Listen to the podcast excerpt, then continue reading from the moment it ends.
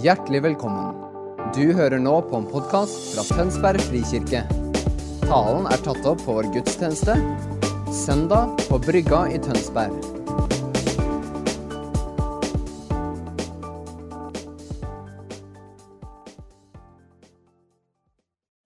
Hei, alle sammen.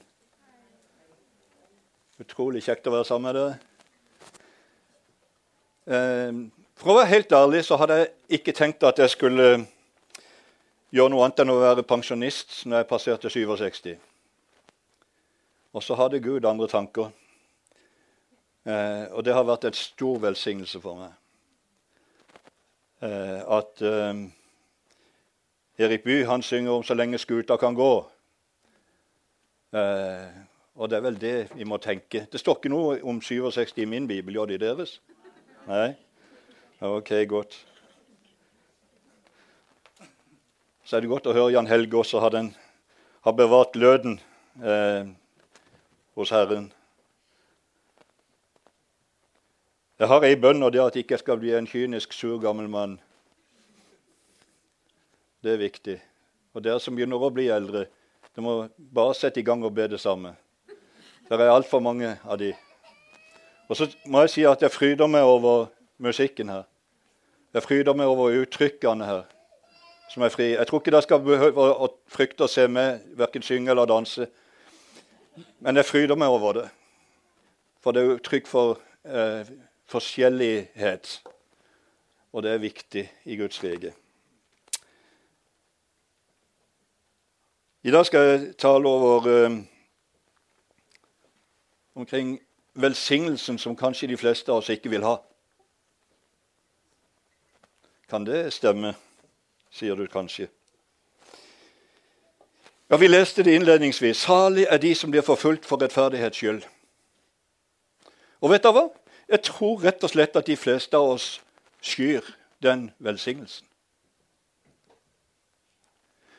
Det er ikke mange land i verden som har det så fritt og godt som vi har det. Og allikevel så ser jeg at frykten hos mennesker i Guds rike i Norge er så stor. Og Jeg spør meg ofte, og meg sjøl inkludert, hva er det vi er redde for? Hva er det vi er redde for? Og Jeg delte med mine venner i stad på bønnemøtet her at uh, på morgenen i dag så fikk jeg en melding fra Algerie uh, med en uh, filmsnutt der de viste at politiet kom inn og arresterte pastoren og geleida han ut. Og etterpå så følger hele menigheten syngende i lovsang. De er ikke redde. I, i, uh, i februar så hadde jeg med meg en gruppe med unge mennesker til, uh, fra en bibelskole uh, til Kairo. Og Vi skulle på ungdomsgudstjeneste i en av de største kirkene i sentrum av Kairo. To kvartaler unna så hører vi lovsangen ifra kirka. To kvartaler unna. Da hadde disse ungdommene de hadde hengt opp noen gedigne høyttalere forbi. Og det var tjukt av politibiler rundt, pansra biler og alt mulig for, uh, for, å, for, å, trygge kirkene. Det har jo vært angrep mot kirkene der, eh, som har kosta mange liv. Men de eh, kontrollerer også. Og Etter gudstjenesten så spurte vi ungdomspastoren eh, Eller disse unge de fikk lov å fyre løs. Eh, er det ikke farlig å holde på sånn? Kan dere bli arrestert for det? Jo, kan det. Men de slipper oss vanligvis ut igjen. Ja. Men da kommer dere ut for de rette folkene, de rette ekstremistene, så kan dere også bli drept. Ja, men da skal vi til Jesus. Og det er jo bare rett bak forhenget. Er det så farlig, da? Og så, så spør jeg meg hva er vi redde for? Hva er vi redde for? Og jeg tror at om vi hadde det kallet i Frikirka den gangen, så har vi det ikke mindre nå å være en kirke for de som er utforbi.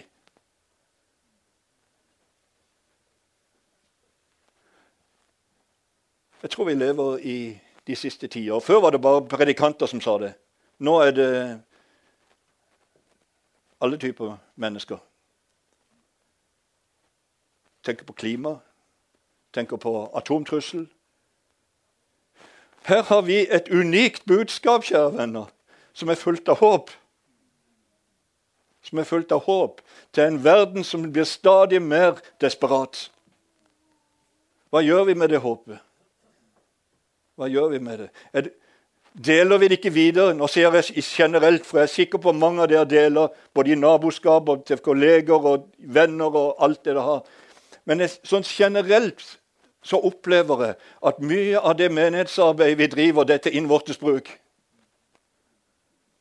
Jeg gleder meg over at, det, at dere har gudstjenester midt i kinoen. Vi er kalt til å være salt, ikke saltklumper. Vi er kalt til å være lys. Vi er kalt til å være i verden, men ikke av verden. Så dere er på rett vei, kjære venner. Jeg kjenner det på, i, på dypet. Men nå, nå, nå, nå, har jeg lyst til å si litt til dere om dagliglivet. Og jeg bare spør, for jeg kjenner, de fleste her kjenner jeg ikke. Er dagliglivet i samsvar med den lovsangen dere viser her? Er det i samsvar? For Kanskje kan du si ja til det, håper det. Og Kanskje så opplever menneskene som kjenner det, at det er en avstand imellom kirka og virkeligheten i dagliglivet.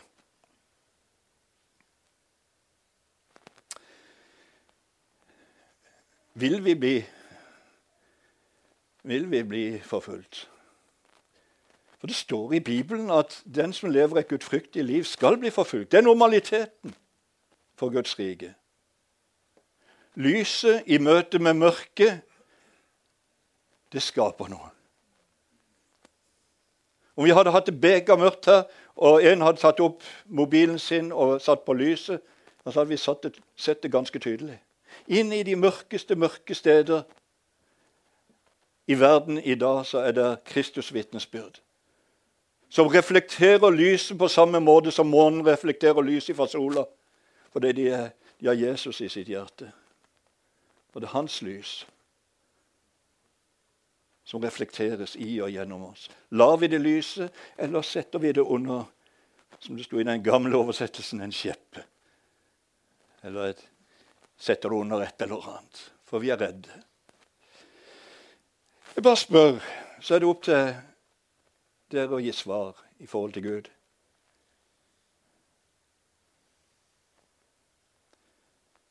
Kanskje sier du 'takk som byr'. Jeg ønsker å ha det greit. Der jeg kommer fra på Sørlandet, vet dere, det er en av de høyeste verdiene. Det er å ha det greit. Hæ? Noen som har møtt en sørlending, så vet dere det. Vi har det så greit. Og vi helst ikke ha noen konflikter, for vi har det så greit. Jeg er, det, jeg er egentlig østlending, men det hører dere på dialekta. Jeg er født på et gamlehjem på Hadeland. Og Derfor ble jeg tidlig grå i håret også. Og det ble virkelig grått da jeg gifta meg Nei, det, det, må vi ikke si. Nei, tvert imot. Ann-Lise har vært eh, utrolig viktig i mitt liv. Så ikke, ikke ta den opp feil. Det hadde bare med hår å gjøre. Men Ønsker vi egentlig et, et harmonisk liv der vi kan unngå å bli ledd av?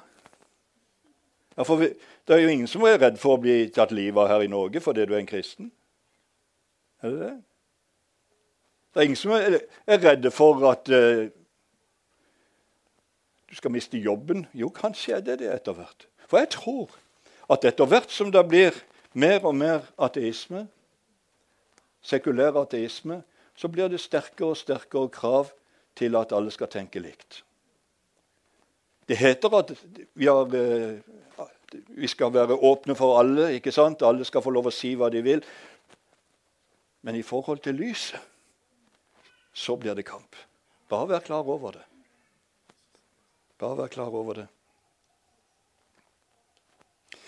Jesu undervisning eh, er ofte sånn opp ned i forhold til premissene i en sekulær vestlig tankegang. Det kan føre med seg fattigdom, sorg. Du kan bli urettferdig behandla. Så er du kalt til å vise medfølelse og skape fred. Ikke, eh, ikke gjør det vanskelig for mennesker du er sammen med. Det minner oss også på andre ting som Jesus når opp ned på. Det å redde seg selv fører til at vi mister oss selv.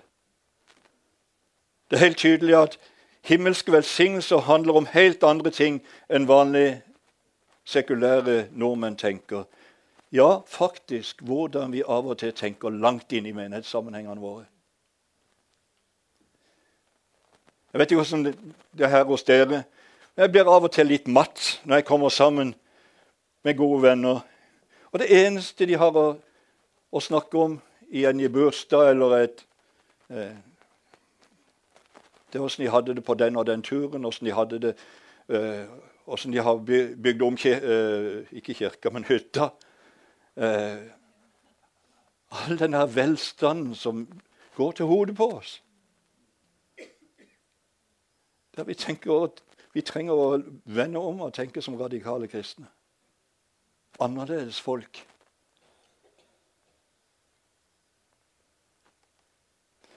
Og I den grad vi vender oss ifra de vanlige aksepterte verdiene i samfunnet, så vil vi oppleve at det blir vanskelig. Jeg vet ikke om dere fikk med dere på en av ungdomsskolene på, til og med på Sørlandet eh, Nå nylig så fikk de ikke lov å ha andakter i skoletida og invitere til det. Fikk ikke lov å bruke boller og invitere med. Sånn er det blitt. Og sånn blir det mer og mer av. Og vet du hva? Jeg tror, jeg tror dette er et endetidsfenomen. Og Jeg sier ikke det for at noen skal kjenne på frykt, men jeg kjenner for at vi skal rette hodene og se oppover. For han kommer snart tilbake.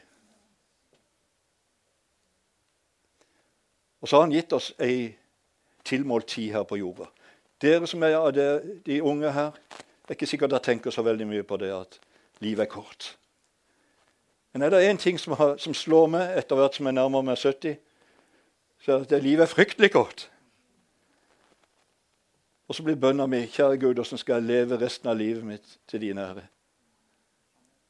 For det uansett om du er 20, eller om du er 40, eller om du er 50 midt i livet, eller du er 70 eller over det, så er det kort.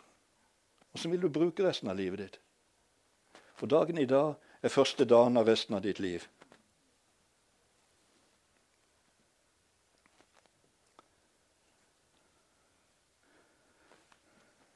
Jesus kunne være både skarp og intens i undervisninga si. Og Han opplevde sjøl å få forfølgelse på kroppen, ja, helt inn til døden på korset. Det var ikke noe fremmedelement i Jesu liv. Selv om store menneskemengder fulgte han, var budskapet hans både tydelig og skarpt.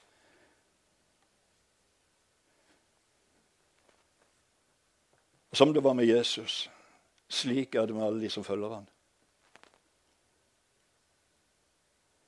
Og dere, Leser vi Det nye testamentet, så er det lite herlighetsteologi i Nytestamentet. Det var lite mer 'Kjære Gud, gi meg den og den bilen', eller gi meg, Nå var det ikke mye bil i den tida. Den og den kamelen. Det var, det var lovsang til tross for forfølgelser. Paulus og Silas i fengselet synger lovsanger ikke fordi de hadde det så vidunderlig deilig eller så greit. De sang lovsanger fordi de visste at Jesus hadde seieren. Og også inn i den situasjonen. Og de fengselscellene det var ikke fengselsceller la norske fengselsceller, det kan jeg love. Men også der så synger de lovsang.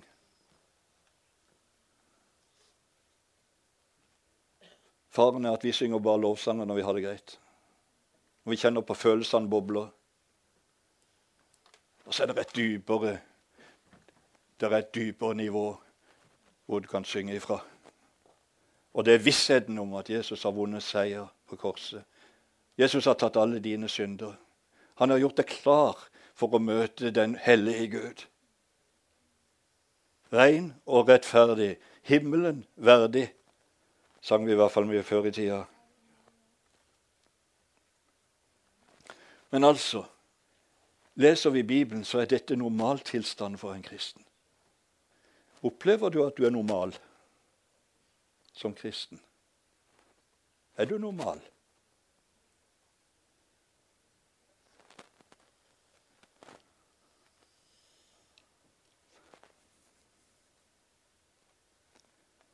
Alle de første disiplene, bortsett ifra, ifra Johannes, døde som martyrer. De var vanlige mennesker, sånn som du og meg.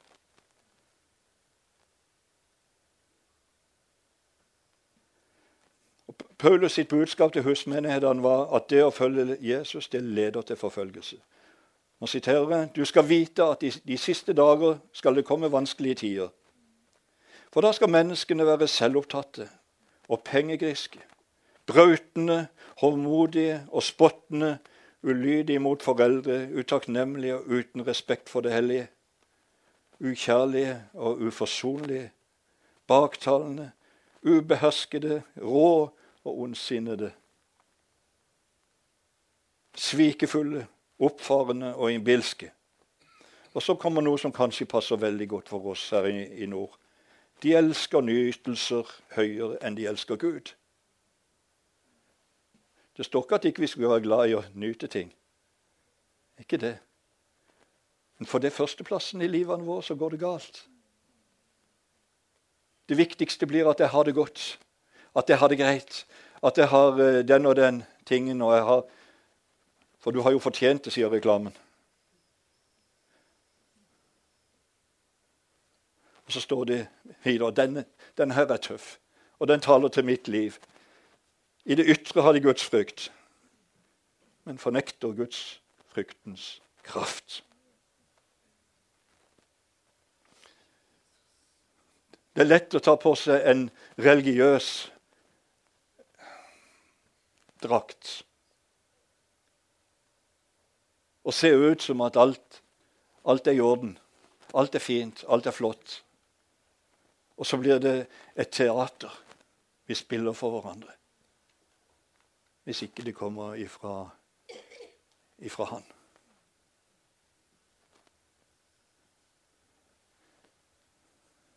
Jeg opplever i mange menigheter så er det mye bruk av masker. Kjære dere, hiv maska. Hiv maska. Be om hjelp fra dine brødre og søstre når du trenger det.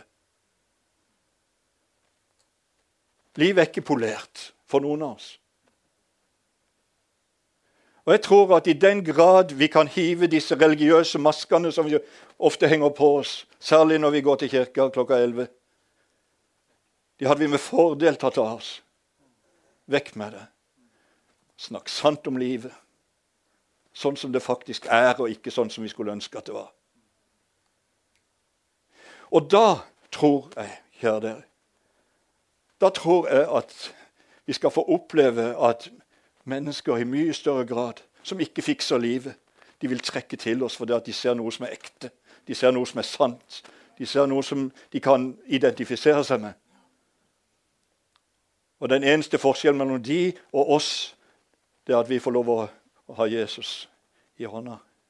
Han har oss i hånda, vil jeg heller si.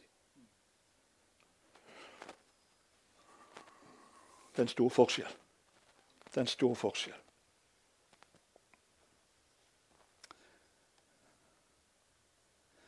Men altså, de første kristne de var kjent med forfølgelse. Og de var kjent med å bli velsigna gjennom det. Og våre bønner tror jeg ofte blir 'Kjære Gud, la meg slippe å oppleve det som er vanskelig og, og, og vondt'. Er det ikke det? Opp med hånda Nei, nei. Jeg har, jeg har vel bedt den bønna noen ganger, jeg også. Og Så har jeg lært noe av min Min kinesiske bror, som nettopp ble fengsla i 15 år, som fikk smugla ut et brev fra fengselet, der han skriver hvis min fengsling kan føre til at myndighetene blir litt mindre redde for det jeg tror på, så er fengslinga mi verdt Han ba ikke om at han skulle slippe ut, først og fremst, selv om han sikkert gjerne ville det. Han hadde et perspektiv som var annerledes, som, som var en annen verden.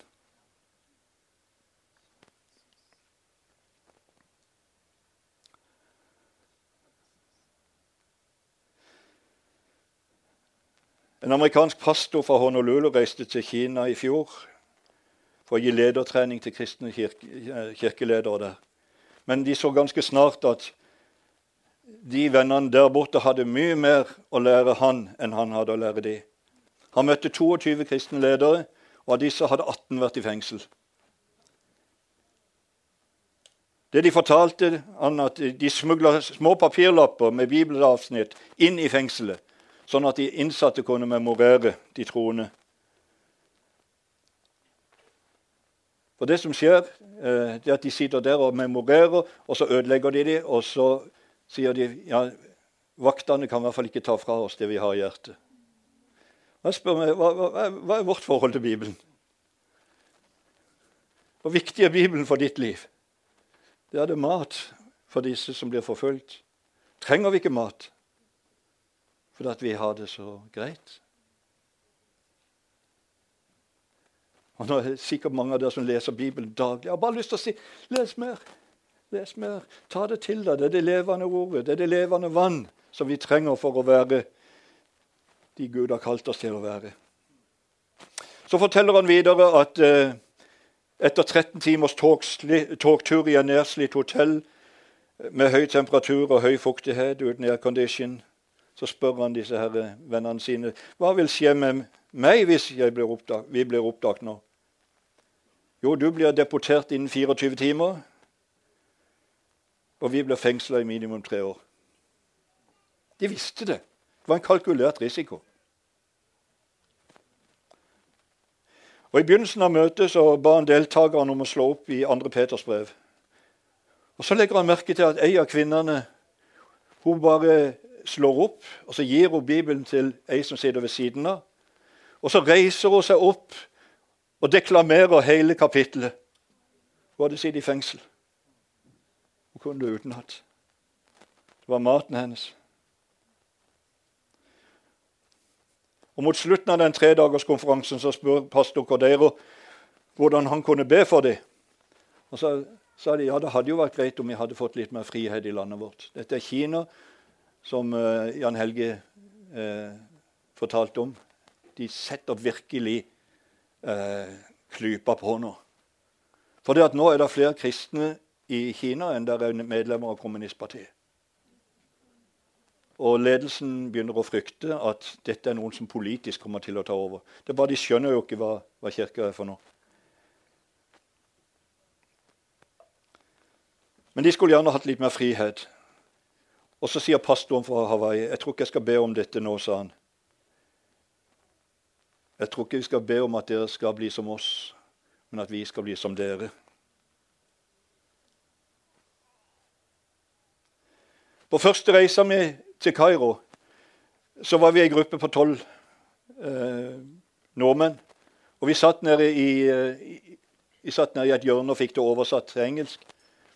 Og hun som talte, hun talte om å miste sin første kjærlighet fra åpenbaringa 2.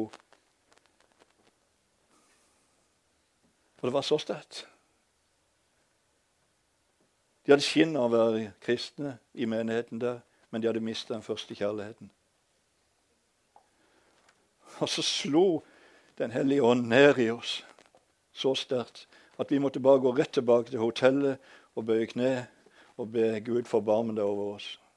Kyrie eleison, be forbarm deg over oss. Om disse kristne det var 2000 mennesker samla. Om de hadde trengt det, det hadde de sikkert, men det var først og fremst et budskap til oss på vegne av norsk kristenhet.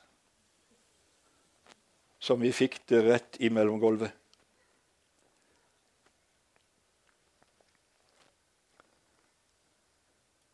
Og Når vi møter kristne fra Kina, fra Iran, fra Egypt, Afghanistan, fra mange forskjellige steder der det er tøft og det, Jeg har med meg en del eh, materiell.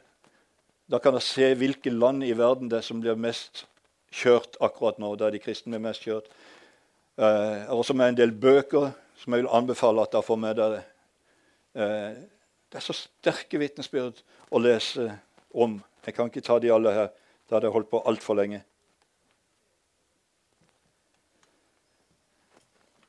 I, i Egypt eh, så opplever vi nå at eh, Egypt er faktisk det åndelige kraftsenteret for hele Midtøsten. Det skjer så mye i Midtøsten at det er nesten utrolig. Jesus åpenbarer seg for mennesker i drømmer som aldri har vært borti ei kirke eller møtt kristne før. Og så søker de sammen etter hvert. De prøver å finne hverandre, og så lager, de små fellesskap. Og så blir det små kirker etter hvert. Og det er mye av det. Det er mye av det. Så mange er desillusjonert med IS og ødeleggelsene deres. Og de sier hvis dette er islam, så vil jeg ikke ha det. Og så er det mest fantastiske av alt det at de snakker ikke om, de snakker ikke om eh, islamister som fiendene våre. De er, de er vennene våre. Vi ber for dem. Og det kunne jo være en Paulus blant dem, sier de. Hæ? For et perspektiv! Og så tenker jeg på oss som kristne her hjemme. Ser vi alle våre venner som kommer fra utlandet og bosetter seg i Norge, som en trussel, eller ser vi det som en mulighet? Og svært mange av de er kristne, og vi trenger deres input. Vi må ydmyke oss og, si at, og erkjenne at vi har mista noe på veien der som vi trenger. Derfor er jeg veldig glad for å kunne se at det det er ikke bare helhvitt i denne menigheten. Det er godt. Vi trenger det. Vi trenger det. Den største faren for norsk kristenhet i dag er ikke islam. Det er ateistisk sekularisme. Men uansett hva de står for, menneskene, så er de, de er gjenstand for Guds kjærlighet. Det er ikke ett menneske som du møter i løpet av dagen som Jesus ikke har dødd for. Det er ikke ett menneske som ikke er skapt i Guds bilde. Og det er ikke et menneske som Jesus ikke lengter etter. Ikke ett. Ikke av de mest ufyselige.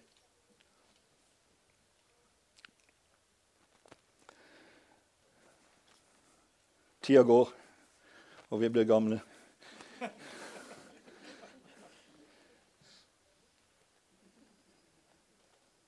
I 2009, tror jeg det var, så ble 21 fremmedarbeidere fra Egypt tatt av IS ført ut på ei strand for å bli halshogd.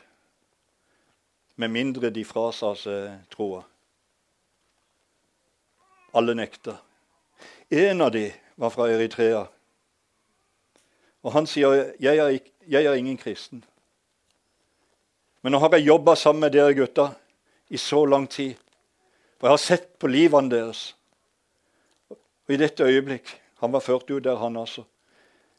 I dette øyeblikk vil jeg gi livet mitt til Jesus. Og så blir han halshogd, han også. Det er kraft i evangeliet. Jeg har lyst til å utfordre dere til å være med en tur. Vi har stadig turer til Egypt og andre steder. Ja, for å støtte opp om og be for de forfulgte kristne men først og fremst også for å se hva de har å gi til oss. For det er ikke lite. Vi har så godt av det. Neste tur jeg skal ha en nå i, uh, i, begynnelsen av desember. Og så skal jeg ha en uh, med bibelskoleelever i, i, i mars. Så hvis dere husker å be for det, så er det flott. Men be også om dere skal være med, om dere skal være med meg neste år. Eh, i november, første halvdelen av november. Kanskje noen av dere sier og kjent jeg skulle gjerne opplevd dette.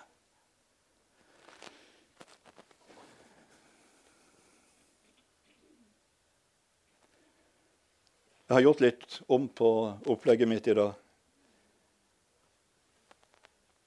Jeg har lyst til å ta deg med bare til eh, en liten tur til Egypt. Til grottekirka. Som de, de, de troende på Søppelfjellet gravde ut med, med håndkraft. Med plass til 20 000 mennesker. Hørte dere? 20 000. Og under revolusjonen eh, i 2011 så var det kontinuerlig bønnemøte hele natta. Og da var det 20 000 innenfor og 40 000 utenfor. Jeg skal vise deg klippet fra det bønnemøtet.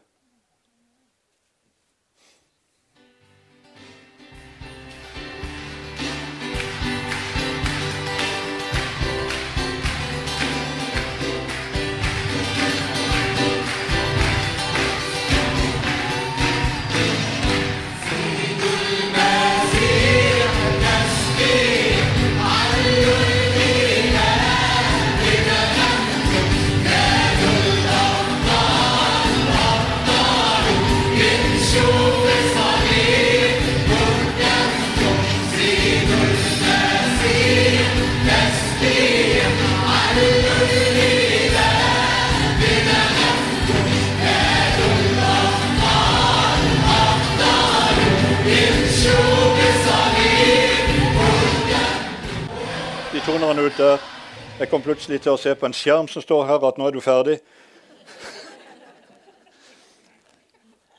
Jeg ser ikke så godt lenger. Det er sånn, deilig å bli gammel. Og en liten en til. Og det er den, det er den sterke som taler så sterkt til meg at uh, La deg få lov å bare se den. Bare kjør den siste også. Insanity of God documentary and had written with several different writers. And then all of a sudden we turned on the news to see 21 Egyptians being beheaded. And it was so unbelievable. It was really hard to take in. And the kind of thing where you go, man, God, you, you're losing the war. Like you're losing. You know, what do we do with this? Where are you in the midst of this? And a friend of mine named Jenny Lee Riddle, who's written many songs that uh, Selah has recorded, she called me up because we'd written before about the persecuted church, and she said, We need to write a response for the church to what has happened. And one of the main things that ISIS kept saying was, We are killing these men because they are people of the cross.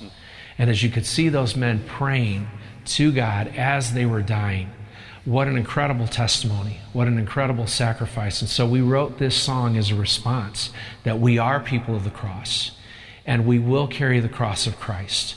And to encourage believers that when they are in the moment, that they will stay strong, that they will stay true, and to make that proclamation so that we start to believe that and we start to live that way. And this song is called People of the Cross. Home, we're heading home.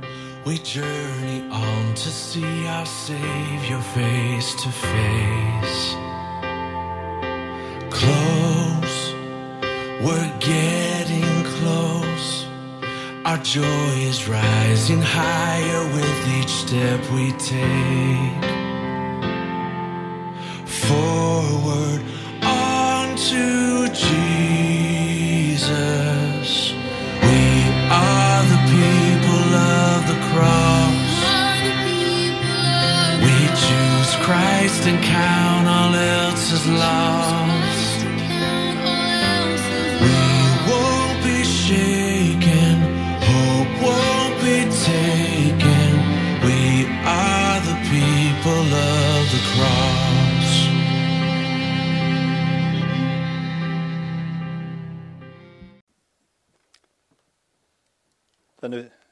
Dette klippet gjør så inntrykk på meg hver gang jeg ser det.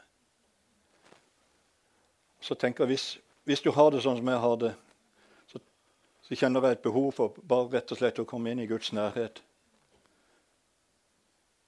Kanskje har du behov for også å gi en respons på dette. Jeg lurer på om vi rett og slett, jeg jeg vet jeg har brutt alle regler i kirka her i dag. Eh, Men om vi skulle ta en liten er det greit? En liten tid til, til å rett og slett invitere dere som har lyst, bare til å komme fram. At vi kan be sammen. Det er ikke noe spesielt. Du, du, du er ikke i en, i en øvre klasse åndelig sett om du kommer fram. Vi er sammen som mennesker som har desperat behov for Guds kraft. Inn i vår sekulære setting her i Norge.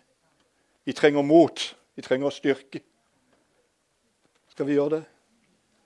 Eh, dere som vil. Det er helt OK å bli sittende. Noen kan ikke gå.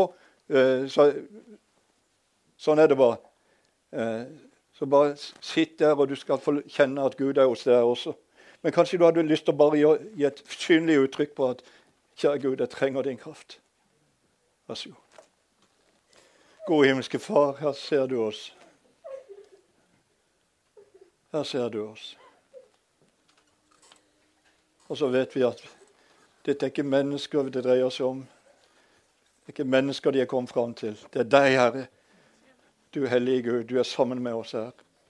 Og så ser du livene våre. Og så ser du de som kjenner på at det er så lang avstand mellom det de gjerne ville være, og det som de faktisk er i hverdagen. Herre Jesus, forny oss. Forny oss med Din Hellige Ånd. Kom og salv oss, Herre. Gi oss akkurat det vi trenger. Du ser hverdagen til hver enkelt.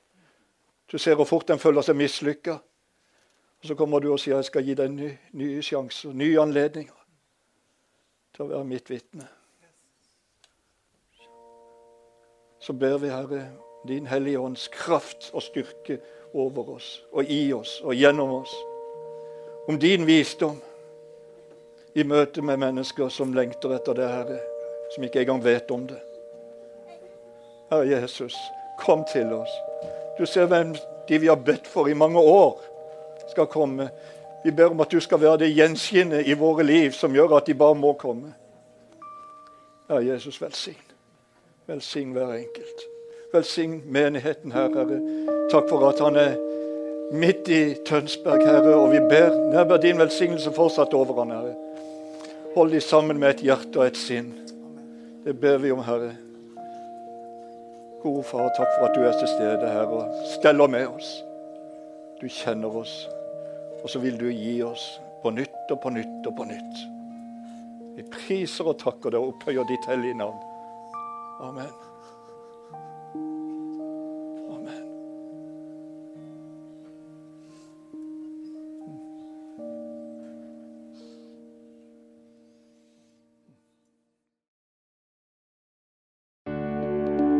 Takk for at du hørte på vår podkast. Har du spørsmål eller ønsker du å vite mer? Søk oss på vår nettside tonsbergfrikirke.no. Du er også velkommen til kirke på Brygga i Tønsberg.